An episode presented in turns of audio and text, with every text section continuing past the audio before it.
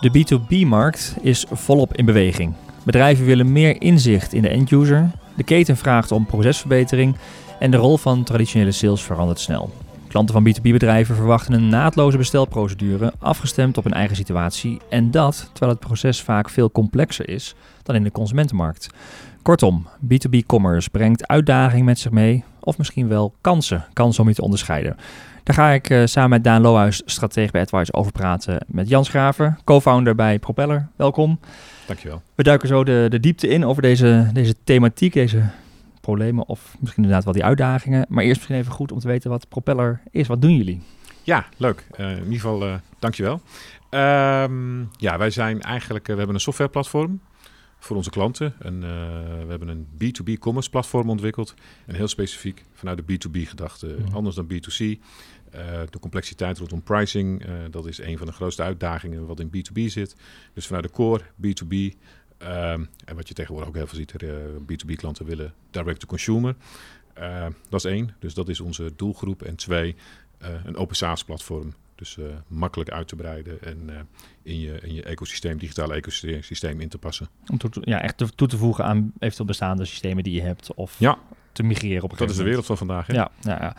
Uh, en hoe is die wereld? Dus jij zit heel diep in die B2B-commerce wereld eigenlijk. Ja. Hoe is de, de, de, de, de perceptie bij eigenaren van en, mar en marketeers misschien ook wel, of IT-mensen bij B2B-bedrijven? Zijn dit, is iedereen al zich bewust van deze mogelijkheden, uh, de, de, of de risico's ja, waar je over na moet denken? Ja, wat je ziet is eigenlijk de eerste stappen zijn wel gezet hè, door heel veel B2B-bedrijven. Het begint vaak met een portal, een bestelportal. Ja. puur e-commerce. En wat je nu ziet, en, en, dat wordt ook onderschreven door de Gartners van deze wereld, de McKinsey's, um, is met name het samenspel tussen pure e-commerce en sales. Wat je nu nog veel ziet is dat het twee geïsoleerde kanalen zijn. Mm -hmm. Sales doet de offline, hè, offline orders, uh, offerte maken of orders. En uh, de online orders worden, gaan via het digitale kanaal.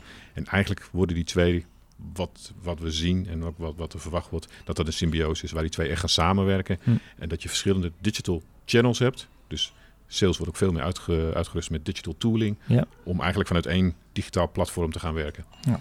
Leuk. Nou, we gaan uh, de diepte helemaal in. En Daan, jij, jij is ook regelmatig bij B2B ondernemers. Uh, herken je ook een beetje ja, vanuit dit thema de problematiek? Een aparte uh, shop voor de producten uh, die ze, waar ze liever weinig werk aan hebben. die, die vind je op heel veel plekken natuurlijk. Zeker waar wat specifiekere productjes staan. maar dan inderdaad is het vaak gewoon een, ook een, met een e-commerce, gewoon regulier e-commerce platform. Die inderdaad ook voor uh, gewone consumentencommerce wat gebruikt. Hm. Magento of andere shops. Of soms zie je ook nog echt de, de, de Dino-platform, zeg maar. Dat ze een shop al in 2009 zijn begonnen. en dat draait nog steeds. Hij doet het nog. Maar, ja. maar er is niet echt dan een vervolgstap. En ik denk ook door de belemmeringen waar je dan ook inderdaad tegenaan loopt. Je hebt uh, dan echt verdere koppelingen nodig. En dat is vaak een drempel waar ja, bijna geen enkele B2B-organisatie een echt... Uh, uh, ja, overheen komt. Ook omdat dan het digitale kanaal nooit serieus wordt. Dan blijft het bij een benauwde productselectie. Geen lekkere bestelervaring voor zo'n klant. Die denkt, ja, kan het in de shop bestellen, maar kan het goed bellen. Ja. Dus uh, dat, dan zie ik dat daar wel heel vaak nu blijft hangen nog. Dat is een duidelijke soort Ja. van uh, ja, drempel waar de meesten niet overheen komen. Ja, ik, ik, ik denk wel dat die kentering aan de gang is nu hoor. Uh, ik herken, alles wat je zegt herken ik, uh, Ja. herken ik inderdaad. Maar je ziet nu dat heel veel bedrijven uh, door de limitaties echt aan het uh, heroverwegen zijn om te replatformen, dus naar een nieuw platform te gaan. En dan hun eisen en wens ook veel breder in te steken dan uh, puur dat uh, hele Spartaanse Ja. Omdat het Spartaanse bestelporteltje niet bedacht is vanuit de UX voor de klant. Intern, Heel veel mogelijkheden eh, niet kan, dus men blijft gewoon bellen, de sales en dergelijke. Wat dan nog vaak lang gebruikt wordt als van, zie je wel, digitaal is nog niet voor B2B. Het is wel voor Kip, B2B. ei, Ja, dat is wat Ja. ik bedoel Maar je met moet- die, maar je moet- je die moet dan drempel. wel- ja, Exact. Ja, Nou, maar er staan er nog een hele hoop voor de drempel, laat ik Ja. zo zeggen. Inderdaad, de eerste die gaan er overheen. En, Ja. en wat je... ehm, eh, wat ik ook veel zie inderdaad, is dat dus ook niet het hele productgamma wordt ontsloten. Want de, de organisatie is niet gewend om eh, de productinformatie te ontsluiten op die schaal. Dat staat vaak in een intern ERP-systeem. Niet voor klantpresentatie gereed, waardoor er zegt een hele kleine selectie inderdaad ook op zo'n eh, zo'n shop terechtkomt nu. Ja. Ja, je, ziet de echte commodity producten, eenvoudig, die Ja. wel. Zodra Consumables, complexer complex wordt, Ja, eh, eh, als er iets geconfigureerd moet worden, dan wordt het wel heel, heel eng. Eh, die niet. Hm. Alleen je ziet een aantal voorlopers, nou daar gaan we het ongetwijfeld ook over hebben. En ik denk ook dat daar de wereld heen gaat. En, en Gardner en McKinsey met, met mij. eh, dus wat dat betreft eh, ben ik niet de Staat enige. alleen. Maar je ziet gewoon wat er aan zit te komen. En dat is echt de komende jaren gaat er echt heel veel veranderen. Ja. Eh, waar digitaal gewoon echt de digitale transformatie van de salesorganisatie. In combinatie met marketing, die vaak eh, verantwoordelijk is voor het e-commerce platform. Ja. Eh, dus we staan echt aan de vooravond. Daar ben ik echt van overtuigd. Ja, en je zei net, van, eh, je noemde bijvoorbeeld twee belangrijke woorden, klant en UX, ten aanzien van zo'n Ja. platform. Hè. Eh, is dat dan ook een beetje wat je ziet doorcijpelen in die B2B-organisaties? Eigenlijk die B2C ehm, ja, verwachtingen. Hè. Iedere medewerker, iedere klant van een B2B-organisatie is ook consument natuurlijk. Zijn dat die verwachtingen die doorcijpelen? Ja, ja, kijk waar het om gaat is eh, gemak, denk ik, digitaal gemak. Ja. Je, je begint bij je klant. Volgens mij is dat altijd de UX voor de klant. Ehm, Maar dat, is al, dat, dat, klinkt, dat zeg je heel, makkelijk. Maar voor B2B is was het best wel heel vaak inside out in plaats van Klopt. outside in, toch? Dat, Ja, ja. Nou, nou is er heel veel veranderd. Hè? En, en een van de belangrijkste veranderingen is, dat is sinds een jaar of 15, is dat we applicaties koppelen. Mhm. Daarmee kun je eh, de klant één UX geven. Ja, de klant komt in een portal, daar gaat het vaak om in B2B, eh, persoonlijke portal. En dan kan die heel veel services en kan producten orderen. Qua gevoel is dat voor die klant eh, alsof die in één systeem werkt. ja. Achter de schermen zijn het allemaal platformen, SaaS-platformen die gekoppeld zijn. En laat ik een voorbeeld noemen, je service tickets. Die log je op het moment dat er iets gekocht hebt wat stuk is, een machine, Mhm. wil je een service ticket loggen. Normaal heb je daar een linkje voor. Eh, anders dan waar je je orders... Nou, nu heb je een portal, daar zitten je service tickets ook in. Dat wil niet zeggen dat in dat applicatie je service tickets afgehandeld worden. Het is een schil. Eigenlijk De serviceafdeling die werkt gewoon lekker in zijn eigen applicatie.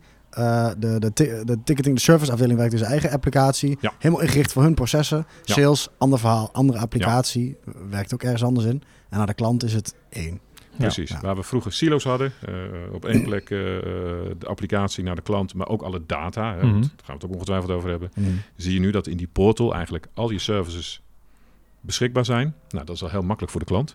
Op één plek alles kunnen doen eh, digitaal met, eh, met, eh, met jou als leverancier. Ja. En qua UX het gevoel hebben dat je in één systeem werkt. Want Ja. systemen die, die koppel je met, met API's. Ja. Ehm, en daar, dat is sinds een aantal jaren mogelijk. En Dat geeft gewoon heel veel nieuwe mogelijkheden eigenlijk. En dat is ook een beetje waarom er nu snel over die drempel heen gestapt Ja. wordt. Omdat Het je wordt die, ergens. die ervaring. En klanten vragen er natuurlijk ook om. Hè, want Ja. dat is ook een beetje, je- jij begint vanuit B2C, komt ook in B2B. Ja, klanten zijn gewend om thuis eh, ook bij bol.com te bestellen. Ja. En waarom is het dan zo ingewikkeld als ik naar mijn leverancier ga en iets wil bestellen, kan het Dat niet. kan. Ja. Nee. Dus Maar- die, die, die, die verwachting die, die komt, wordt steeds Ja. sterker en daar moet, daar moet je gewoon aan voldoen. Ja. Moet je meegaan. Maar is het realistisch dat een marketeer van de B2B-organisatie een beetje intern op de schop en zegt: Ja, ik kan het bij bol.com toch ook zo makkelijk doen, dat moet toch ook bij ons zo makkelijk kunnen? Is dat een reële verwachting? Mag je de eisen of de, de verwachtingen van B2C ook op een B2B-organisatie leggen? Eh, ik denk dat je macht moet veranderen door moed. Ja. Eh, wat ik zei, je, je ziet echt heel veel bedrijven die die beweging maken. En op het moment dat je achterblijft, Exact, denk ik dat het heel moeilijk voor je gaat worden. Ja. Eh, Dus want je wat je mee. ziet is, eh, eh, eh, een organisatie heeft meerdere leveranciers. De leverancier die digitaal kan aanbieden, het bestelproces. En het bestelproces gaat heel ver, want digitaal kan ook zijn dat je gekoppeld wordt aan het, bestel, eh, aan het ERP eh, van, eh, van je klant. Dus dat de klant vanuit zijn ERP, zijn boekhoudsysteem, de orders bij jou kan inschieten. Mhm. Dat is voor die klant heel makkelijk, want dan hoef je geen PO-proces er op en neer. een frictieloze keten. Frictieloos, gemak. Ja. Dan is prijs overigens al niet meer zo belangrijk als je Ja. gemak hebt. Ja. Maar de lever, eh, de- je klant kan kiezen waar hij kan inkopen. Of heel gemakkelijk. Op basis van een orderhistorie, bestellijstje. Of bij jou heel Spartaans. Ja, dan Hm. gaat de voorkeur vaak uit naar, eh, naar het bedrijf wat het meeste gemak biedt. Ja. Ja. Dus in, daarin moet je gewoon wel meegaan. In, Ja. eh, in in kan cruciaal zijn uiteindelijk in het businessmodel van jouw eh, klant, van jouw eh, eindklant. Dat je snel kunt leveren, Ja. makkelijke koppelingen. Eh, in- transparantie, hè? want Ja. voorraden, je maakt heel veel inzichtelijk in die portal ook. Hè? Wat ligt op voorraad? Als het niet op Ja, voorraad dat bedoel ik met businessmodel. Want Ja. uiteindelijk kan een klant aan die eindklant zeg maar, zijn product eh, gegarandeerd Ja. leveren. En anders kun je Mhm. daar verder op een keer Ja, maar dat is, dat is misschien nog wel een nuance. In de B2C ligt een stapel boeken gewoon op een plank. En Ja. koop je een boek, haal je van de plank, stuur je op. Maar de, de, de B2B-markt heeft natuurlijk een veel grotere mate van complexiteit in zijn producten. Hè? En, en ook nog vaak een hele keten om tot zo'n product te komen. Ja, nou ja, goed. Wat, wat je daar ziet, hè, is, is, ik noem dat de verticale snelweg. En dan gewoon voorbeelden. Hè. Ik bedoel niet waar de wereld naartoe gaat, maar gewoon klanten van ons die eh, eh, maakt stoelen. Mhm. designstoelen. Eh, verkoopt het aan uh, Vonk. Iedereen kent Vonk volgens mij, Ja, de, webshop. Ja. Vonk verkoopt die stoelen aan consumenten. Eh, maar een consument die wil weten, als ik een stoel koop, is die leverbaar ja of nee? Dus Ja. dat betekent eigenlijk dat die consument door het platform van Vonk in jouw platform kijkt of je voorraad hebt.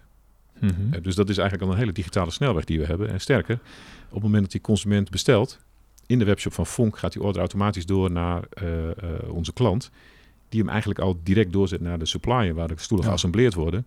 Op dat moment wordt er ook al geassembleerd. Dus de voorraden worden real-time. Ja. Eh, eigenlijk eh, kan een consument bekijken. Eh, plus het feit dat de hele dropshipment, dat is tegenwoordig ook natuurlijk heel erg in. Die stoel gaat niet meer naar onze klant. En van onze klant naar Vonk en naar de consument. Die stoel gaat eigenlijk van de supplier. Ja, logistiek veel. eh, Logistiek direct naar de consument. Ja. Dus Dat is wat ik bedoelde met het businessmodel. Dat is niet mogelijk zonder koppelingen. Zonder Daar de, kan hele, geen de digitale of een ertussen. telefoontje tussen zitten. Dat is te- Exact, Ja. exact. En die stoel die gaat alleen naar, kijk naar logistiek. Die gaat Ja. van supplier naar eh, onze klant, gaat naar Vonk, gaat naar de eindklant toe. Dus eh, het optimaliseren van, eh, van de logistieke ketens, kostenoptimalisatie Ja. en met name ook weer het gemak voor de klant of de zekerheid voor de klant dat hij weet wanneer die of die stoel er is, wanneer hij die stoel Ja. krijgt. Klantervaring. Dat is weer het verwachtingen B2C-verhaal. managen. Ja, Volgende ja. dag leveren ja of nee. Plus je, je haalt heel veel stappen ertussenuit. Uh, Ja. v- vaak traditioneel handmatige stappen, ook heel foutgevoelig. Foutgevoelig. Uh, Ja. En, en uh, als ik jou goed beluister, zeg je op het moment dat die bestelling geplaatst wordt, heeft eigenlijk de hele keten al hetzelfde inzicht. Uh, Ja. Het real-time, iedereen weet met dezelfde informatie wat er moet gebeuren. Ja, dus je hebt heel veel data. Ja. Eh, dat is ook mooi, hè? want eh, onze klant heeft normaal geen data over de consumenten. Nu wel. Die, die weet ook wat consumenten doen, gedrag van consumenten. Dus ook met je data kun je weer hele, hele mooie dingen gaan Ja, doen. ondanks dat je um, een maker bent, een, product, een productiebedrijf uh, en je verkoopt niet rechtstreeks aan de end-user, krijg je toch heel veel inzichten Ja. over die end-user. Ja, dus uh, eigenlijk zijn het zo had, uh, er is een eerste orde reden om het te doen en een tweede orde reden, zeg maar. De Mhm. eerste is al het, uh, het makkelijk kunnen uh, bestellen en servicen in één omgeving. En de tweede orde gevolg wat je dus van krijgt is de data, de integraties die er mogelijk zijn, nieuwe businessmodellen als het ware. Dat is misschien niet... Dat is een tweede reden om het te doen, naast die eerste eigenlijk nog. Ja, klopt. Zo En daar zien. kunnen we als we tijd, uh, dat, dat is heel mooi, maar straks is vanuit marketing en sales. Uh, want nou ja, twee, twee, twee dingen eigenlijk. Hè. Je hebt al die data, maar die data maakt je ook weer inzichtelijk voor je klant. Dus Mhm. je klant die ziet eigenlijk wat hij bij jou besteld heeft. Wat hij online besteld heeft of wat hij via sales besteld heeft. En de de klant bedoel je om dan- ook in te kunnen loggen, om historie te kunnen Ja. zien. Maar klant bedoel je Vonk Ja. bijvoorbeeld in dit geval. Vonk, ja, eh, Vonk, dus die kan dus niet de zien, eh, eindklant, goh, maar dan bedoel je eigenlijk de klant van een de B2B Vonk organisatie. bijvoorbeeld. Ah, ja, ja, ja. Ja, dus eh, wat heb ik eh, besteld? Eh, wat is mijn orderhistorie? Ja. Mijn facturen inzien, et cetera, et cetera. Dus je kunt het voor je klant eh, Mhm. heel mooi maken. Maar zelf heb je natuurlijk ook heel veel data voor je marketingafdeling. Om eh, richting, eh, richting voor marketingcampagnes.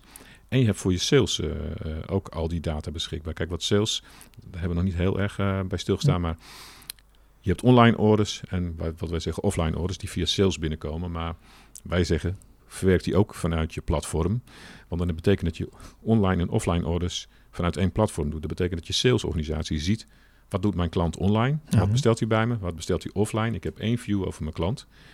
En wat je ook heel veel ziet, en dan hebben we het niet over de meubels, maar over wat complexere eh, trajecten, ehm, is dat, ehm, heb ik even kwijt wat ik wilde zeggen. Nou, misschien even terug naar het voorbeeld van Vonk. Ehm, eh, dus een klant bestelt bij Vonk en als bedrijf heb je dus al die inzichten. En Vonk kan zelf ook zien wat er aan volumes is en wat ze misschien binnen het assortiment... Hè, ze denken het loopt goed, we willen ook product B van hetzelfde merk Ja. ook gaan toevoegen. Het kan ook zijn dat Vonk kans in de markt ziet en denkt... hey, ik heb dit type meubel nodig. Ik ga bellen met, die, met dat B2B-bedrijf of ze dat kunnen, hè, dat kunnen leveren bijvoorbeeld. En dat is wat jij bedoelt, van de, kunnen twee stromen langs elkaar heen lopen. Je, je ordergeschiedenis en dicht bij de orders die je eerder gedaan hebt, Ja. eh, kun je bestellen. Maar je hebt ook een lijn van toch even persoonlijk eh, Ja. sales. Eh, hybride sales noem je Ja. dat volgens mij, hè, waarbij je dan... Alleen dat wil je uiteindelijk wel samen in dat platform gaan krijgen, op Ja. één plek weer hebben. Ja, nee, dat klopt. Daar wilde ik naartoe. Naar hybride sales. Wat je ook ziet is waar je online begint. Eh, voorbeeld, eh, een eh, je maakt een configuratie. Mhm. Eh, ik heb het voorbeeld van eh, warehouses. We zijn met een organisatie bezig die eh, eigenlijk mm, warehouses waar je die kunt configureren online. Ehm, dat gaat tot, tot 100.000 euro eigenlijk. Het zijn modulaire bouwen als het Modulaire ware, bouw kun je helemaal configureren lange, met andere deuren, deuren. met ja. eh, dak, lichtpanelen, et cetera. Dat wil niet zeggen dat die klant dat online koopt. Maar wat hij wel doet, is hij maakt eigenlijk kijkt van goh, wat voor requirements heb ik aan zo'n warehouse? Kan dat? Uh, hij ziet eigenlijk automatisch uh, wat zijn de kosten van zo'n warehouse. Mhm. Uh, stel je voor dat dat 40.000 euro is. Op basis daarvan denkt hij van goh, ik ben hier echt heel geïnteresseerd in. Dan kun je alsnog wel naar sales gaan. Sales pakt hem op, maar die heeft al informatie over de klant dat die budget waarschijnlijk akkoord is. Ja. Want op het moment dat je 40.000 uh, moet betalen, je hebt maar 3000 budget, Ja. ga je niet door. Haak je af, ja. Dus je gaat met de 40.000 budget is eigenlijk akkoord. De klant heeft eigenlijk al voor 90% aangegeven wat hij wil. Misschien moet je nog een beetje fine-tunen. Ehm, maar sales kan het oppakken. Hele rijke lead. Heel erg diep al in de sales funnel. Eh, kan samen met de klant het stukje eind engineeren. Mhm. Ja, ook intelligentere sales. Precies. Meer high level. Meer waarde Ja. toevoegen op Ja, die key momenten. Ja. En wat we doen, dan presenteren we dat vervolgens aan de klant in de portal voor die klant, in zijn login. Ja. En die kan dan eh, op akkoord drukken en de hele order is weer gedigitaliseerd. En daarin zie je dat je online begint. Je gaat naar offline, Ja. waar sales heel hard nodig hebt. Maar Ja. sales hoeft niet meer alles te doen. En het wordt online weer afgehandeld Ja, eigenlijk. want En sales zet het wel weer in het online portal, past Precies. dingen daarna aan en daar blijft eigenlijk wel de waarheid staan. Ja. Eh, ja. Daar staan de bouwtekeningen in van Ja. die klant van het warehouse. Dus op het moment dat hij spare parts nodig heeft, gaat hij gewoon weer naar de portal. Daar heeft hij zijn warehouse, daar heeft hij de panelen staan. Hij drukt op een extra paneel. En dan heb je sales niet meer nodig, wordt dat paneel automatisch ingekocht. Ja. Eh, nou, op die manier zie je Ja, eigenlijk... minder de- fouten, dat- denk ik ook. Veel minder fouten. En Ja. de klant is degene die uiteindelijk de Die final took in configura- verstand. de einde, een fout wordt eindconfiguratie. gemaakt, dan is het, eh, Maar- Die discussie je altijd hebben. Ja, precies. ja. Maar ik, ja, het is maar gewoon er- minder er- foutgevoelig. Er zitten ook best wel wat constructieve vraagstukken bij, hè? Eh, Of, of technisch, hè? of het kan Ja. bijvoorbeeld bij. De, de- tackle je dat soort dingen dan ook allemaal die, eh, in zo'n ja, digitale oriëntatie? Ja, nee, dat, dat is inderdaad eh, eh, dus we, eh, een CPQ, hè, configurator, eh, pricing, quotation, 3D-modellen die Mhm. erachter zitten.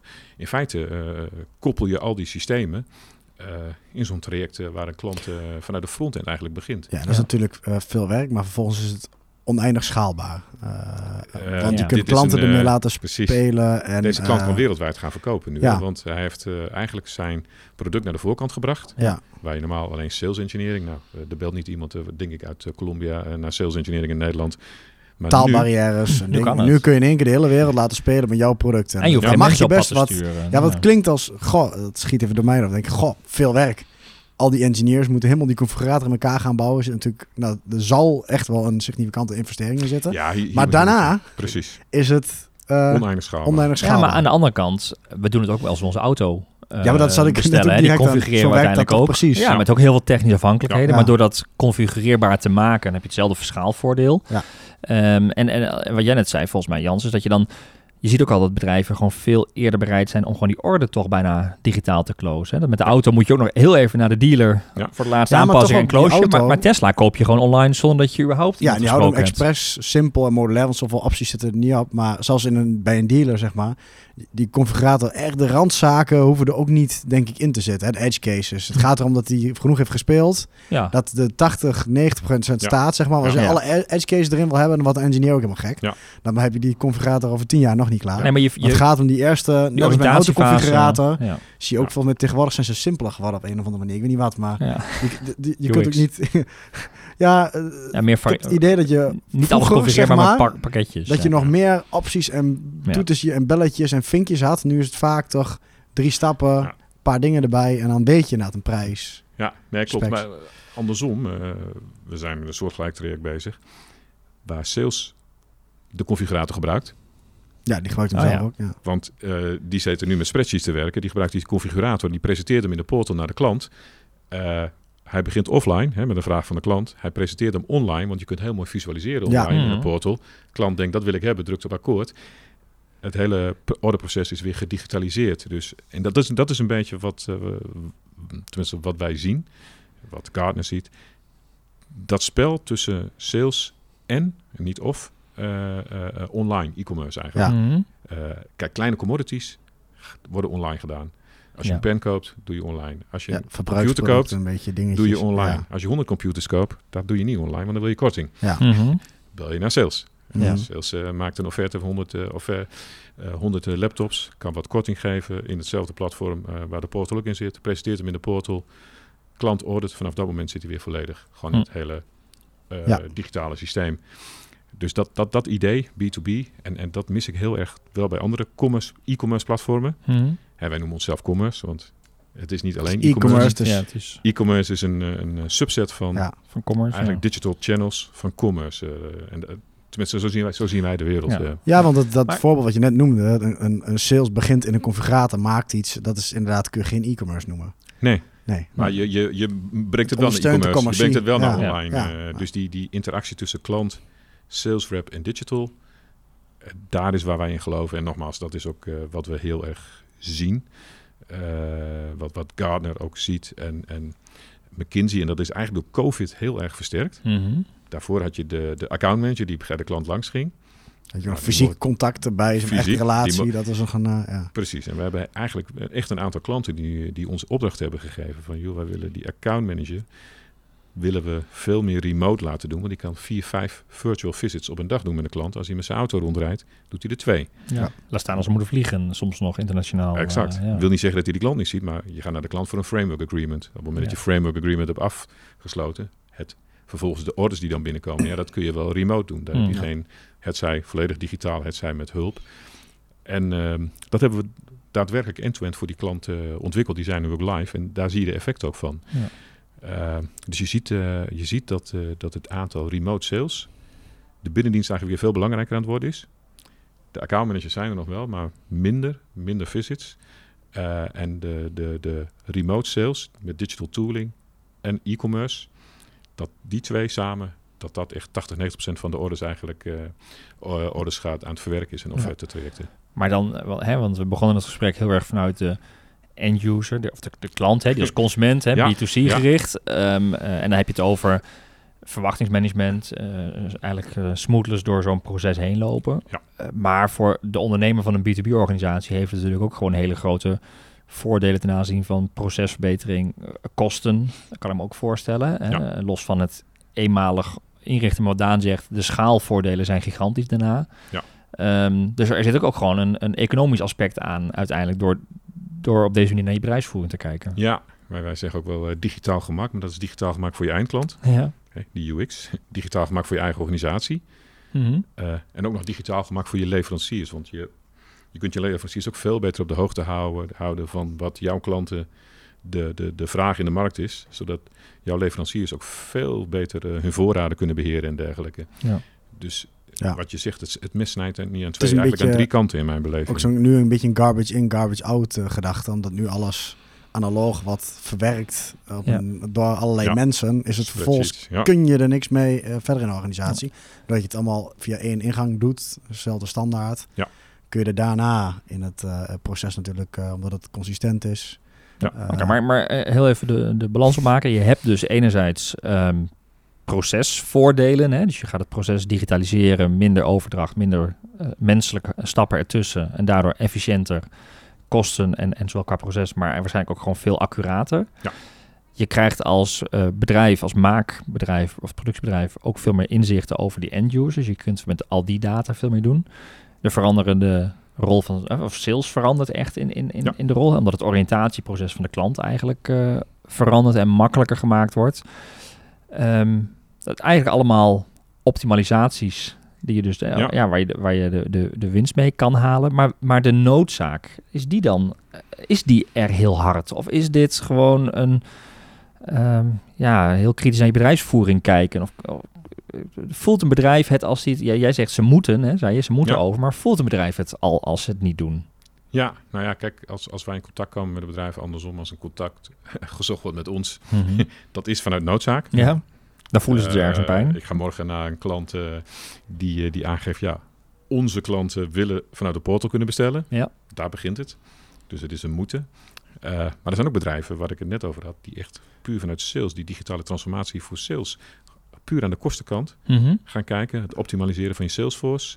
Het minder fouten maken. Hè, want Ja. digitaliseren is echt veel minder fouten. Als je hoort hoeveel retouren, nou dat is in B2C ook, maar dat is ja. in B2B ook. Ja. Omdat de fout besteld is. Ja, ja. Uh, wat ik net een beetje zei. Ja, je eigenlijk, als je iets configureert of je zet het klaar in de portal voor de klant. De klant kan de final check doen. Dan kan het nog steeds fout zijn. Mm. Maar Ja. de discussie over wie dat de klant erbij betrokken is geweest. eh, hè, want in B2B zie je vaak dat. eh, ik heb zelf bij Dell gewerkt. eh, moesten we servers verkopen. Ging je configureren. ging je 10 servers, 20 eh, PC's. PC's werden voor finance meer processorcapaciteit. Ja. Dat werd tien keer soms op en neer gepingpongd in e-mailtjes. klant zegt, doe maar. Oh ja. Nou, je pakt het negende mailtje. Ja. En Ja. die configuratie bestel je. Komt uit En Jij hebt Amerika. het gedaan. Als dat dan... Nou ja, precies. eh, heel vervelend. Het voordeel digitaal is dat je altijd de laatste eh, versie werkt. Hè. Mhm. Eh, in de portal zie je als een, een, een sales rep iets verandert, heb je in de, in de portal de laatste versie. Je ziet je historie wel waar je vandaan komt. Ja. Het scheelt gewoon heel veel fouten. Dus Ja. dat is fijn. Eh, je hebt minder werk, eh, want je haalt heel veel admin eh, weg met spreadsheets werken. Mhm. op het moment dat je, als je in je digitale platform werkt, je toetst de klant in, krijg je klantspecifieke prijzen erbij. Ja. Heel gek dat een e-commerce al heel normaal is, maar voor sales vaak nog niet. Want die, Ja. weet, die, die moet hebben lijstjes met klantspecifieke Ja, maar dat is prijzen. vaak in B2B, die hebben allemaal hun eigen maatwerk, toch? Ook in de sales eh, ja, de, fase. si- de silo's hè, op een gegeven moment. En nou goed, je noemde net een aantal voordelen op. eh, eentje, de, de laatste, die hebben we daarvoor wel benoemd, is al die data Ja. heb je straks ook van je klant. Je kunt personaliseren, segmenteren. Je weet wat de klant online doet, offline doet. Mhm. Eh, en daar kun je weer je voordeel mee doen. Dus eh, V- eh, nou, een mooie ontwikkeling natuurlijk dat het mogelijk is. En precies wat je zegt, we verwachten het al, we kennen het al van, van B2C, maar in B2B is het eigenlijk nog Ja. helemaal niet, niet zo en ook dat stukje automatisering, eh, dat, eh, eh, ik bedoel, eh, de, de- de- een beetje eh, echt sales engineers, mensen in B2B, vaak complexere producten, die wil je liever aan de complexe cases laten werken. En daar is altijd tekort aan, ook aan dat soort mensen Ja. vaak. Dus het is ook, dat is ook weer schaal, eh, denk ik in die zin. ja, Die wil je liever niet aan de type hebben. Ja, Met orders ik, eh, ik Ja. eh, was eh eergisteren bij een machinefabriek, hele grote. En die hebben eh, 16 engineers die alleen bezig zijn om klanten te helpen om spare parts Ja, te ja. identificeren in, in een machine. En eh, het juiste spare part op te sturen. Heel moeilijk aan engineers te komen op dit moment. Ja. ja, maar dat is Eh, verloren productiviteit. Want die Die zet je liever engineers in die gaan liever de- met slimme dingen aan de gang. Ja. Ehm, op het moment dat je die machine, wat wij doen, eigenlijk vanuit in een 3D blown-up versie in de portal zet eh, van de klant. Het is een hele installed base. Eh, ook nog een Russische klant, dus eh, Hm. communicatie lastig. Russische klant gaat in de Russisch sprekende engineers zijn helemaal lastig. ja. Precies, eh, maar de, de, de, de misverstanden die kunnen ontstaan, dat voel je wel aan. Ja, veel groter. Ja. Op het moment dat je hem nu in de portal hebt en de hele installed base staat erin met alle machines, met alle parts erin. De, de Russische eh, klant gaat gewoon naar het part wat hij wil vervangen. Hij hoeft het over de tekening, hij klikt hem aan. Dan weet je zeker, A, dat je het goede part hebt. Ja. En je engineer die kan hele slimme dingen doen. En dat is ook wat wij zeggen. Hè. En los van het orderen e-commerce is ook je low-value services Mhm. moet je eigenlijk ook digitaliseren. En dat Ja. gaat ook over waar blijven mijn spullen, track Ja. en trace codes.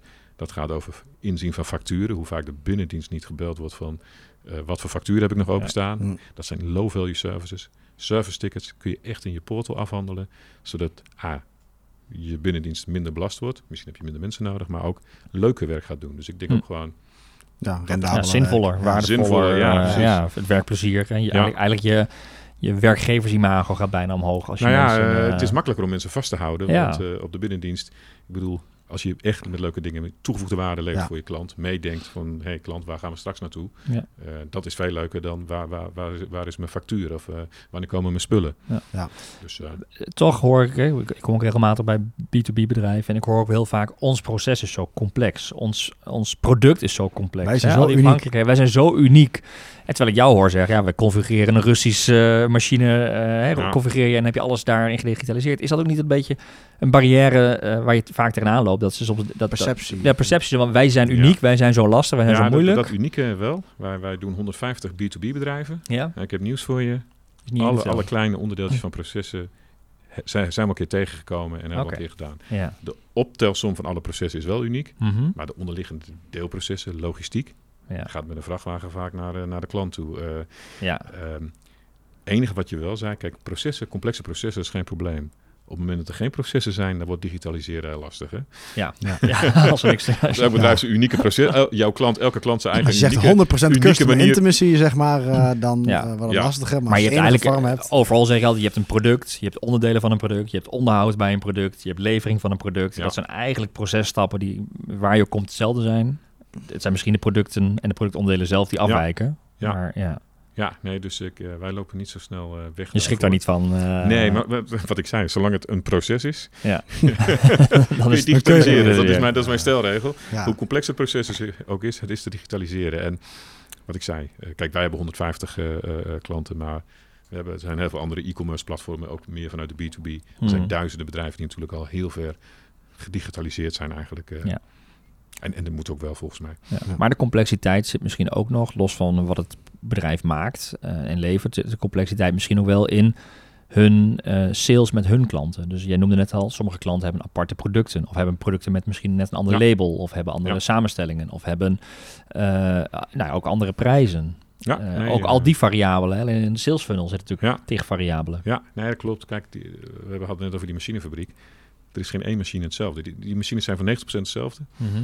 Maar elke machine heeft zijn eigen final touch eigenlijk. Ja, Maar op zolang die maat van de klant, van de eindklant. eh, Precies, ja. maar die final touch bestaat wel uit standaard onderdelen. Mhm. Modulair, Ja, uiteindelijk. modulair uiteindelijk, eh, exact. Dus, eh, dus wat wij doen is, elke machine, elke klant heeft een unieke tekening, digitale tekening van zijn machine. ja. Alleen de auto, de CAD-systemen en dergelijke, die voorzien daar weer in. Dus daar koppelen we weer mee.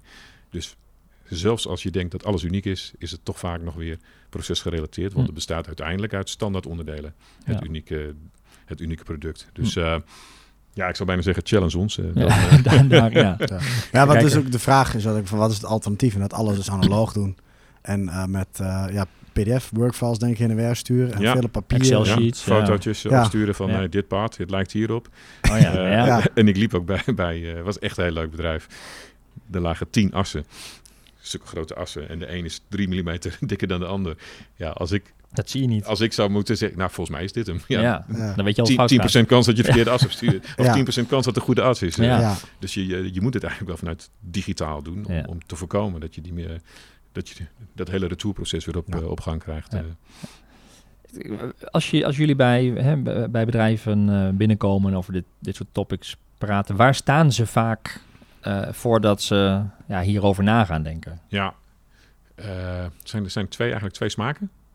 We doen, eh, wij zitten echt mid-market. Dus dat betekent dat niet de hele kleine bedrijven, maar wel de bedrijven die al redelijke grote volumes eh, draaien. Eh, of ze hebben een, zijn begonnen met e-commerce vanuit een vaak een B2C-omgeving. Ja. Dus een webshopje gebouwd voor de Webshopje makkelijke. Dus waar we mee eh, begonnen, een e of een Magento De installatie. Magento Dus is, gewoon het, van, het eh, voorbeeld. En dan ja. ga je met Ja. plugins werken om het B2B te maken. Want het, ja, het is toch complex met die pricing. En Ja. Ja. Hoe meer plugins, eh, hoe grotere kans is bij een eh, update eh, van Dat de software omvalt. dat de plugins er niet meer doen. Ja. Eh, en dan op een gegeven moment is het geloof jouw unieke processen. unieke Die worden dan even geüpdate en dan is het wat minder uniek. Ja. Ja. En dan, Dus eh, die zegt dan op een gegeven moment, oké, eh, dat gaan we afschrijven en we gaan nu opnieuw beginnen.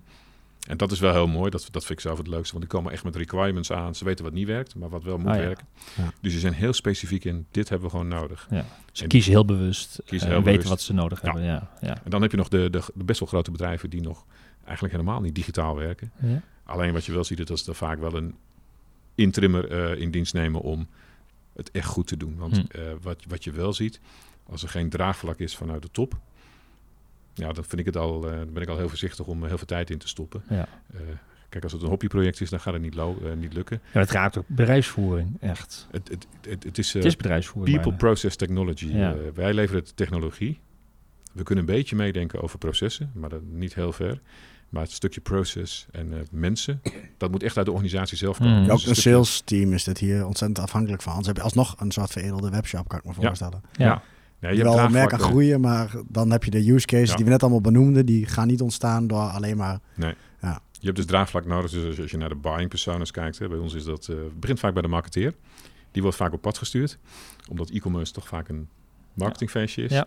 Dan sluit de sales eh, aan, want de problematiek is van, hey, sales moet er ook iets mee. Eh, CIO is er vaak nog wel bij, omdat het raakt wel, eh IT, je koppelt met, je, ja, met, de eh, met eh, bedrijfskritische dat Dat hebben ze dan vaak wel door, eh, dat dat de... Dat Ja, raakt erbij het. hoort. Ja. Ja, nee, de ERP, eh, Ja. dat het ERP, Ja. de koppeling met de ERP is nummer één. Ja. En dan komt vaak CRM en dan eh, heel veel andere tooling. Eh, maar Ja, dat is dus vaak voor, wel... de, eh, voor de marketingmensen die luisteren inderdaad, dus alle, de hele bedrijf, de software van de bedrijfsvoering. Ja. Ook de voorraden, eh, productinformatie. Data warehouse Eh, systeem. ja. Ja. Ja, Ja. noem het allemaal nog maar Ja, meer inderdaad. Dat klopt inderdaad. Dus eh, wij, Ja. wij, wij hebben ook, we koppelen bij sommige klanten aan 15 verschillende applicaties. Hm. Waarbij je de brondata altijd in één systeem zit, maar andere systemen gebruiken die brondata om. eh, en wij presenteren het vaak naar de voorkant ook. Hè. Dus wij, daarom noem ik het ook, het is een portal. Wij doen veel in ons platform. We hebben veel data in ons platform, maar we gebruiken ook veel data. Presenteren we naar de eindklant eh, vanuit ERP-systemen, Ja. vanuit Maar- voorraden. Dat zijn vaak wel de systemen dat een bedrijf met een proces heeft sowieso iets van een ERP-systeem. Ja, klopt. Ja. klopt. Het voordeel van een ERP-systeem is dat eh, als dat goed werkt, Dan Ja. dan, staan. dan eh. zijn ze al process-minded. Ja. Dus, Ja, exact. En dat is er vaak al wel. Het Ja. is niet zo zeggen, eh, Ja. voor Nee, als je nou luistert, zeg maar, dat zijn niet unieke dingen die je nergens Nee, tegenkomt. Die zijn er vaak wel. Ja. Dat is de financiële dingen. En, eh, nee, daarom. daarom. Nee, misschien CRM is misschien een, een dingetje wat niet altijd helemaal op orde is. Maar Nee, dat klopt. Kijk, eh, wat je volgens mij weet, is eh, CRM wordt vaak door sales. eh, ja, handmatig. Ja. nou, als, als we één ding van sales weten, is dat ze niet zo heel netjes zijn. Ja. Kijk, waar, waar de uitdaging in zit, als je een klant in je CRM hebt staan en je hebt een klant in je EEP staan, dezelfde klant. Ja. Ja, Wat Ja. is de waarheid dan? Ja. Je, je hebt eh 300 manieren hoe, eh, hoe die klant beschreven wordt. Mhm. Om die koppeling. eh, en de mensen bij de klant. Met Waar gaat facturen ja. en wie Ja. bestelt het. Ja. En eh, eh, wat is het uh, facturatie, ja, subleveranciers. EEP, dat is wel de singles eh, truth. ja. Ja. Dus dat, dat, dat, dat is voor ons heel belangrijk. Maar het CRM komt ook steeds vaker in beeld. Dat verrijkt dat verder nog weer Ja. meer. Ja. Ja. Ik kan me wel voorstellen dat je nu dit verhaal luistert en ehm, dat het toch nog wel voor hè, een ondernemer, marketeer, eh, ver, ver weg klinkt. Ehm, omdat het voelt alsof het ja, eh, heel, heel intelligent, optimaal, eigenlijk je hele e-commerce beleving bijna in je processen gieten. Ja. Eh, vaak ook wat minder digitale bedrijven. Eh, hoe makkelijk is het? Of wat, wat kun je als marketeer al, al een beetje, beetje doen daarin? Nou, dat is even de vraag of je al een, eh, een commerce platform hebt natuurlijk. Maar je- wat wij ook zeggen, kijk, we, we- we hebben nu vergezichten. Vergezichten bedrijven wel al zover zijn, dus bestaande bedrijven. Ja, he- het is al nu. Ja, Waar dat wil jij beginnen? Eh, wat wij meestal doen, hè, we zitten vaak in een demofase met een klant. We zeggen wel van, joh, laat je vergezichten wel weten. Mhm. We nemen dat wel in de demo mee, omdat je namelijk moet voorkomen dat je een platform kiest. Want het is een intensief proces. Eh, een platform kiest waar je over een jaar eh, aan de grens zit omdat je meer wil en Ja. het, is Ja. Niet, het is niet open, dus je kunt niet communiceren met anderen. betekent dat je moet migreren. Nou, als Dat wil je alle, alle onze klanten weten, de, eh, de, de- zijn allergisch voor migreren, dus Hm. dat wil je niet. Dus kijk wel met die vergezichten als je begint, wat je wilt bereiken.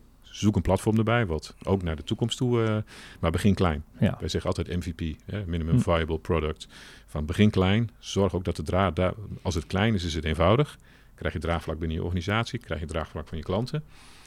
En dat is het moment, als klanten de eraan gehecht raken en je mensen ook, om dan, Dan te je gaan verbreden. Ja, Wat is een typische MVP? Is dat, kun je dat, En- is dat en- een en beetje MVP verpakt bij, bij jullie? Wat, wat, wat zit daar dan MVP zeg maar, is in? bij ons over het algemeen is een, eh, een portal. Uh-huh. Een klant geeft je een My Account omgeving, hè, want Mhm. die heeft zijn eigen prijzen. Ja. Dat is het. eh, daar zit een eh, bestellijstje in. Eh, dat is wel een misverstand. Hè. De, de B2C-ervaring. Nou, klanten willen niet shoppen. Die, willen eigenlijk, die weten eigenlijk al wat ze willen bestellen. Dus die willen bestellijsten hebben, favorietenlijsten of historie. Ja. Mhm. Want die willen snel eh, Ja. kunnen bestellen. Maar daar zit ook in... eh, eh, Daar verschilt die al van een standaard shop. Hè? Daar ga je Klopt. al. Ja. Klopt. Normaal Dat- is het- Een, Hier, alsjeblieft, al onze consumables. Ja. Zoek maar dat Ja. ene ding wat je wilt. Terwijl je dan liever belt naar sales zegt... Ik heb dit staan, doe maar zo'n ding. Als Ja. je 40 artikelen nodig Ja. hebt en je hebt eh, uit 50.000 en je moet één voor één eh, zoeken, selecteren en in een lijstje is stoppen, ja. dan geef maar de telefoon maar. Dus Mhm. dat is al inderdaad, helpt die klant eigenlijk met zijn hardlopende producten. Zet die alvast klaar, dat hij alleen maar eh, aantallen hoeft in te vullen. Zijn klantspecifieke prijzen vindt hij daar. Eh, hij kan zijn service tickets daar loggen. Hij kan retouren aanmelden. Hij kan zijn facturen inzien. Ja. Dat is typisch iets, dat zit al in je ERP-systeem. Ja. Dat zit al in systemen. Ontsluit dat naar je klant. Is al Dat is- redelijk wat En- en- value in MVP. Ik wou zeggen, je, hebt ook direct, je levert wel direct waarde voor de klant. Ja. Terwijl het redelijk basic is wat Ja. er allemaal gedaan hoeft te Ja, worden. Nou, omdat, omdat het allemaal al beschikbaar is. ja, het is er al. Ja. Eh, dus eh, dus dat, daar beginnen we meestal mee met een portal en eh, bestelgemak eh, en, en de low-value services, Ja. waar al Mhm. die informatie al beschikbaar is. Eh, dat is eigenlijk één de eerste. En van daaruit kun je je ambitie eh, groter gaan maken en, en doorontwikkelen. Ja.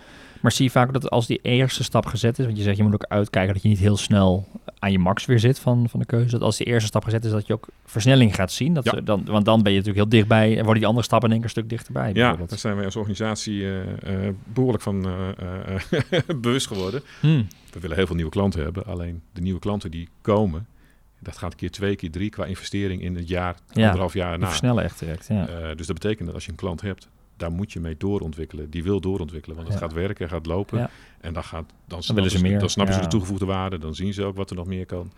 Eh, ze willen door innoveren eigenlijk. Dus eh, wij noemen dat land and expand. Hè? Je, je komt binnen, een platform verkopen we, we zetten hem neer. En de komende jaren ga je eigenlijk heel hard doorgroeien. Dat is ook de reden dat we met partners aan het werken zijn nu. Want dat betekent dat er heel veel van je resources gevraagd wordt om door Ja. te ontwikkelen samen Zo'n configurator of, of eh, Ja. specifieke dingen, dat kost natuurlijk wel wat. eh, Dat Ja. kun je, maar dat kun je ook verleggen weer Ja, natuurlijk. Dat- zeg ik ook Ja. vaak, doe dat in fase 2. Begin je Ja. met configureren. Ga eerst de commodities verkopen in je portal. Ja. Ga daarna met, eh, Ja. met configureren aan de gang. Eh, dus ehm, zeker, eh, klanten eh, investeren gewoon echt door. Het is Ja. echt de eerste stap, eh, babystap. En daarna gaan ze echt eh, Ja. heel hard eh, groeien. Ja. Van kruipen naar heel snel wandelen En en rennen. en sprinten misschien wel. Ja. En dan moet je de klant bij kunnen houden. Dus Ja. dat, dat, gaan jullie uitdagen? jullie Nou ja, dat, dat ja, is de nou, reden dat we nu echt met, pen- met, pa- met een ik. partnernetwerk. Ja. En het verlengde daarvan ook dat we echt een open SaaS platform hebben. Dat partners ook kunnen doorontwikkelen aan ons platform eigenlijk Ja. voor de klant. Eh, dat is wel een hele belangrijke. Als ik een tip mag geven, je begint klein, maar begin altijd met de juiste architectuur. Een open SaaS platform. Ja. Je kunt koppelen met andere SaaS tools. Dus als, als het niet in ons platform kan, dan is er altijd wel een SaaS tool die Ja. het kan. Met Nou, die- API's. eh, met ja. API's, die twee koppel je en dan heb je eigenlijk wat je wil. Dus je Hm. kunt heel erg gaan customizen. eh, eh, met start vanuit een, vanuit de, vanuit de commerce platform kun je gewoon echt gaan customizen. Samen met je partner erbij om te adviseren. Kun je gaan bouwen wat je wil. En als je dan zegt ik ben uniek, Hm. nou, dan, dan moet je mij eens vertellen wat jij wilt en waar geen SaaS tool voor is. Het is Ja, ja. ongelooflijk wat er aan SaaS tools Ja. in de wereld is ja, trouwens. hè. ja, Ja. ja. Dat is inderdaad wel de nieuwe wereld waar je het al over had. Ja. En, dat, dat past niet meer bij een soort lock-in, een gesloten Nee, silo, monolithische tool waar je niks Ja. op kan koppelen. Dat Ja. je inderdaad zegt van ja, die feature die jij wil, die unieke situatie, zet op de roadmap over drie jaar. Zeg. Ja, Dat je, de, niet de meer, best of breed strategie toch? Eh, in dit geval. Je kiest Ja. eigenlijk voor, eh, eh, of als je het niet in hetzelfde op kunt lossen, kies je voor de beste en dan kun je eigenlijk onder elkaar Ja. koppelen. Ja. daarin. Ja, dat klopt. ja, en ja. dat, dat zie je ook, dat, dat, je, dat je geen molochen meer hebt van Nee. het systeem eigenlijk. Hè. Wij blijven, we hadden een content management systeem in onze platform, dus de frontend. Die hebben we, eh dat was wat Spartaans, daar liepen we Hm. niet in voorop. We hebben gezegd, de backend willen we in voorop lopen. Eh, we zijn headless, dus dat betekent dat het content management systeem, daar zijn hele goede Mhm. bedrijven in de wereld die daar veel beter in zijn dan wij. Eh, die kun je er zelf bij zoeken. Wij zorgen ervoor dat het end-to-end opgeleverd wordt. Maar dat is veel intuïtiever voor marketeers om in een CMS te werken wat ze fijn vinden, wat ze prettig vinden. Heb je een WordPress site, pak je een WordPress CMS voor je webshop bijvoorbeeld. Ehm, dus dat, dus wij, maar we kunnen ook niet overal het beste in zijn. Nee. En het beste in CMS en het beste in de backend. Nou, Eh, focus natuurlijk. Die eh, wereld zie je ja. steeds meer. Hè? Dat is het composable eh, wereld waarin we komen. Eigenlijk de best of breed of best in class SaaS tools die je kunt koppelen. Ja. Zolang je maar één UX naar de eindklant... Ja, eh, maar je hebt dus wel eh, als organisatie moet je goed bewust zijn van welke puzzel, wat klik je aan elkaar, in Ja. welke volgorde, dat Ja. je geen Frankenstein oplossingen krijgt. Ja. Eh, En dat, dat zie je in de mid-market nog wel. Dat, dat in de enterprise heb je architecten die dat allemaal bedenken. Mhm. In de mid-market willen ze wel een partij hebben die dat gewoon end-to-end oplevert. kan overzien Ja. ook. En Ja. Ja, dat is niet dat, dat ze zelf van, joh, eh, zoek zelf je Ja. CMS eh, Ja. successen mee. Ja. Wij doen dat gewoon end-to-end. En dan krijg je dus ook die, die eh, ook een beetje dat die, dan ga je dan die platformisering toe, zeg maar. Dan heb je dus een Ja. aantal platformen. En dan kun je dus ook voor de toekomst intelligentere oplossingen gaan toevoegen. Zoals, ja, ja we, hadden het laatst ook al over search bijvoorbeeld in, in, in, grote shops met veel onderdelen. Dat je Ja. dus daar ook intelligentie in kan gaan bouwen die je niet voor elkaar krijgt met een standaard e-commerce oplossing. Iets Nee. wat gesloten is. Nee, nou, weet je, het beste search engine is Elasticsearch. Ja, oh ja, kent. gigantisch. Mm. Komt uit Nederland, geloof ik. Ja, of zo. ja. Echt een Dat- dat is- gigantisch. Dat is gewoon wereldwijd. Hè? Dat is gewoon de beste searchmachine. Ja, Ja, als je een open platform hebt, wat wij hebben, wij Ja. hebben een Elasticsearch als search engine. Ja. Eh, dat betekent gewoon, ja, als, je, als dat daar niet lukt, dan lukt het nergens in. Maar, nee. Nee. maar je wordt niet meer geremd, eh, dus je kunt altijd je best of breed, eh, hè, dat composable, Ja. eh, eh, vanuit een eh, open SaaS platform kun je, kun je inderdaad... eh, Ja. En Ja. daardoor heb je dus ook echt wel die voorsprong. Hè? Je hoeft het niet zelf te bouwen. Je, je, je oont het niet allemaal zelf. Hè? Maar Nee. je kunt gebruik maken van inderdaad het beste uit de markt. En dus de data die ligt van klanten. Dus dan kun je Ja, waarschijnlijk... eh, goh, ik ben geen Ja. developer, maar ik kan me zo... Verzin even nu wat. Elasticsearch. En je hebt eh, het, het, het, het zoekgedrag van klanten in dat type segment. En dan weet je al wat voor recommendations je moet geven in Ja. search, als het Ja. ware. Ja. En dat, dat, dat soort toekomstige dingen ga ik niet in de MVP... Maar dat soort dingen kun je wel Ja. unlocken voor je toekomst, waardoor je... Ja, maar- want we raken natuurlijk, resultaten ik denk voor heel, veel, voor heel veel lu- lu- luisteraars en kijkers, dit ook al heel erg voelt als toekomst. Hè? Terwijl het, al, Ja. het is al nu, maar we raken ook een beetje de toekomst. Want wa- wat, waar gaat het naartoe? Wat kan er allemaal nog meer? Wat zie je? Ja, waar staan we over vijf jaar misschien? Of nog wel iets? Ja. Nou ja, goed. Ik, ik, waar ik van overtuigd ben, is eh, dat, eh, dat sales in, in de B2B, hè, Mhm. sales en e-commerce, dat dat één commerce organisatie wordt. Ja. Ja. Zowel qua mensen, dus dat marketing en sales en services echt als eh, eh, samen optrekken. Ja. Eén klant Eén hebben, team bijna, één klant. één view ja. hebben over de klant. Eh, maar ook de tooling, dat die, tooling ook op elkaar afgestemd is. En nu heb je nog silo's. Nou, daar geloof ik heilig in. Ik geloof erin dat ehm, eh, al die data van alle digital channels, customer data platform, dat is Ja. natuurlijk ook heel belangrijk dat je al die data in één platform hebt. Heel goed kunt gebruiken, A, om je klant überhaupt te voorzien Ja. van één view over jou. Ook een beetje die first party data? Dus je eigen data van je Precies. klantenborden hebben. Ja. maar je hebt ook je klantendata. Daar kun je heel, hele intelligente campagnes mee doen. Gepersonaliseerd, gesegmenteerd. Dat is in B2C ook volgens mij. Als je, Ja. als je inlogt, krijg je de producten die je daarvoor hebt gekocht. Dus ze weten ongeveer wie je bent. Ja. Dat kun je in B2B ook Bijna doen. geen webshop is meer gelijk. Alles Ja, is bijna dat bespaart je de eerste drie gepersonaliseerd, klikken, zeg maar, naar je ja, categorie en naar je filter voor... eh, ja. Ja. eh, Maar je, je kunt ook, eh, als je naar ons platform kijkt, eh, die intelligentie hebben wij. Als een klant een pallet met computers heeft staan, ik noem maar even een voorbeeld. En er komt een nieuwe serie aan en ze moeten van die eh, pallet af. Joh, stuur een mailing naar alle klanten eh, die deze computer eerder hebben gekocht of een vergelijkbare Hmm. computer. Alleen naar die klanten met een aanbieding, met een persoonlijke aanbieding. 10% korting. En dat is in B2C heel makkelijk, 10% korting. Want dan doe je van je listprijs 10% Ja. korting. In B2B 10% van je normale Klantspecifieke korting. ko- Ja, Ja. dat- ga, mailtje, ga dit dus in Mailchimp doen, dat gaat je niet lukken. nee. ja. Maar in, eh, plus het feit dat je je PIM hebt, waar je rijke content bij hebt. Je sleept de, de content erbij. En binnen een minuut heb je een campagne dat alleen naar die klanten gaat. Met Die al eerder die computer hebben gekocht. Joh, er gaat binnenkort een serie uit. En waarschijnlijk ben je binnen een week van je pallet af. Zodat je de nieuwe... eh, dat, dat soort, eh, dat soort Ja. campagnes kun je door al die data in je systeem... en te gebruik te maken van de klantspecifieke data uit je EOP... koopgedrag, segmenteren. Dat, eh, dat kun je eigenlijk redelijk Ja. eenvoudig En doen. niemand hoeft dus sales te vragen van... Goh, wie heeft dat ding eh, Nee. afgelopen jaren verkocht? En dan kunnen zij lekker intelligente Ja, dingen gaan nou doen. ja, wat, wat, wat wij willen is dat, dat eigenlijk... Dit is een, hoort niet een marketingcampagne te zijn. Dit kan een accountmanager eh, eh, campagne zijn. Een accountmanager kent zijn klanten. Die kan die- die, dat soort initiatieven eigen- nemen. Die kijkt gewoon in zijn base ja. en die zegt van... Uh, hoppatee, alle klanten die dit hebben gekocht. Ja. Eh, Ja. Me- dan relatiebeheer, gefaciliteerd ja. dan dat dat eh, systeem ja. er is, Ja. zeg maar. Maar het is maar net hoe het... we- ja. Ja. Ja. Maar goed, we, we, eh, we, gaan richting het einde van, deze, van dit Jammer. gesprek. Eh, Ja, we kunnen nog heel veel Ik heb doorpraten. te vertellen. Ehm, eh, hè, we hebben het natuurlijk heel erg over de techniek, hè, zo'n platform. Ehm, maar uiteindelijk heb je wel te maken met mensen en Ja. ingesleten patronen. En altijd op zoek naar die olifantenpaadjes die daar eh, eh, Ja. omheen kunnen. Eh, ja, want, want wil je het optimaal kunnen gebruiken, zul je ook aan de mensenkant moeten veranderen. Ja, nee, volgens mij heb ik net ook al gezegd. People, process, Ja. technology. Ja, En dat kan is niet wel een hele de mensen. belangrijk hoor. Ik, ben, ik, ik heb een keer bij een klant, eh, zaten we in een workshop. Toen heb ik op een gegeven moment gezegd, nou, laten we stoppen, want jullie willen technologie van ons kopen. En jullie Mhm. verwachten er de wonderen van, maar Ja, precies. organisatie wil je niet veranderen. nee. het is ook verandermanagement in je organisatie wat je exact. En moet gaan vervolgens kom je bij mij van, het werkt niet. Eh, ja, het werkt niet, dat klopt. Omdat als de mensen niet anders gaan werken. Mhm. en je processen niet inricht... eh, als sales het nog digitaal, leuk vindt om een klant op te bellen en offline een order op te nemen en er toch liever langs te gaan, dat is de hele mindset bijvoorbeeld, dan Ja, Ja. Sales gelooft er niet in. eh, eh, eh, dus dat, dat is wel heel belangrijk inderdaad. Ja. Dat ze de tooling gebruiken. Dus daarom zei ik ook, je hebt echt draagvlak nodig vanuit boven. Die ook echt dat verandertraject in gaat zetten Hmm. bij, eh, bij de organisaties. Andere kant, sales over het algemeen wel wat jongere mensen.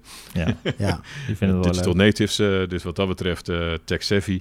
Die vinden dat, die, die, die wachten Ja. er vaak op. Dus ik maak me daar niet zo heel druk om. Alleen, je moet het wel goed begeleiden inderdaad. eh, Ja. En om, om Ja. dat te doen. Ja, en het component waarmee we begonnen, je hebt een UX-verwachting en experience voor je, Ja. eh, je, je eigen klant, maar uiteindelijk ook voor je interne klant. Als Ja. je merkt dat iets voor je werkt, hè, Ja. je het echt helpt, net wat je net zei, die intelligente analyses kan doen, eh, Ja. Dan wil je het ook gaan gebruiken Kijk, een natuurlijk. accountmanager vindt niks. Ik, ik heb salesorganisatie aangestuurd, dus vandaar dat ik me eh, redelijk eh, durf te zeggen. je? Maar er is niks vervelender dan een, een offerte moeten maken. Dat je lijstjes moet hebben. Welke klant, wat voor prijzen krijgt hij. eh, andere lijstjes. Of Veel je tijd. hebt eh, een systeem. Je toetst de na- klantnaam in. En je krijgt alle gegevens van die klant. Met klantspecifieke prijzen op orderregel en dergelijke. Ja. Eh, je wil discount geven. Je ziet hoeveel discount je mag geven. In het onderhandelingsproces ga je over de discount heen even approval aan de eh, sales manager vragen. Maar dat ben je echt met sales bezig in Hm. plaats van met admin. Ik weet dat ik toen ik bij Dell werkte, dat mensen ook zeiden van, joh, ik ben 70, 80 procent van de tijd eigenlijk met admin Dat bezig. ook Ja. de- en dat CRM-stuk ook. Dat Het je al die gegevens die je dan Ja. zo eens hebt bekeken, zo met een collega moeten in hebben geklopt. Heel Ja, accuraat. maar en ook Ja. orders doorzetten, die komen met een mail binnen, die zet je weer Ja. door in een systeem. copy-paste. eh, ja. In het beste geval lukt niet. Dat, dat wil je, Ja. ik, noem dat low-value services, die wil Ja. je weghalen, zodat het werk wat je doet echt leuk is. Dus Ja. het gaat wel voor je werken, daar ben ik wel van overtuigd. Nou, ik, Ja. ik denk de belangrijkste boodschap, het kan anders. Als je nu in deze situatie zit, er is een Zo oplossing. snel mogelijk weg zo met die snel low-value services. Ja, Eh Nou nieuw ja, businessmodel met een daar- daar ben ik zeg maar. Ja, dat, eh, ja. dat op de werkvloer mensen eh, hun werk echt leuker wordt en het omarmen als je het goed, goed introduceert. Ja, Daar ben ik Ja. echt van overtuigd. Het is ehm, iets om over na te denken, om aan de slag te gaan en je Ja. erin te verdiepen. Ook niet wat je van vandaag op morgen helemaal gelijk gerealiseerd hebt. Nee, de Big Bang moet je zeker niet doen. En ik Nee. ben bang dat, dat, eh, dat, dat je dan eh, halverwege strand Ja. en niet meer in digital gelooft. Dus Nee. dat moet je echt voorkomen. Kleine stapjes en goed voorbereid. Maar Ja. ga er in ieder geval over nadenken als je dit nog niet in de organisatie ehm, hebt zitten. Ja. Dankjewel. Ja, jullie ook bedankt. Ja. Leuk.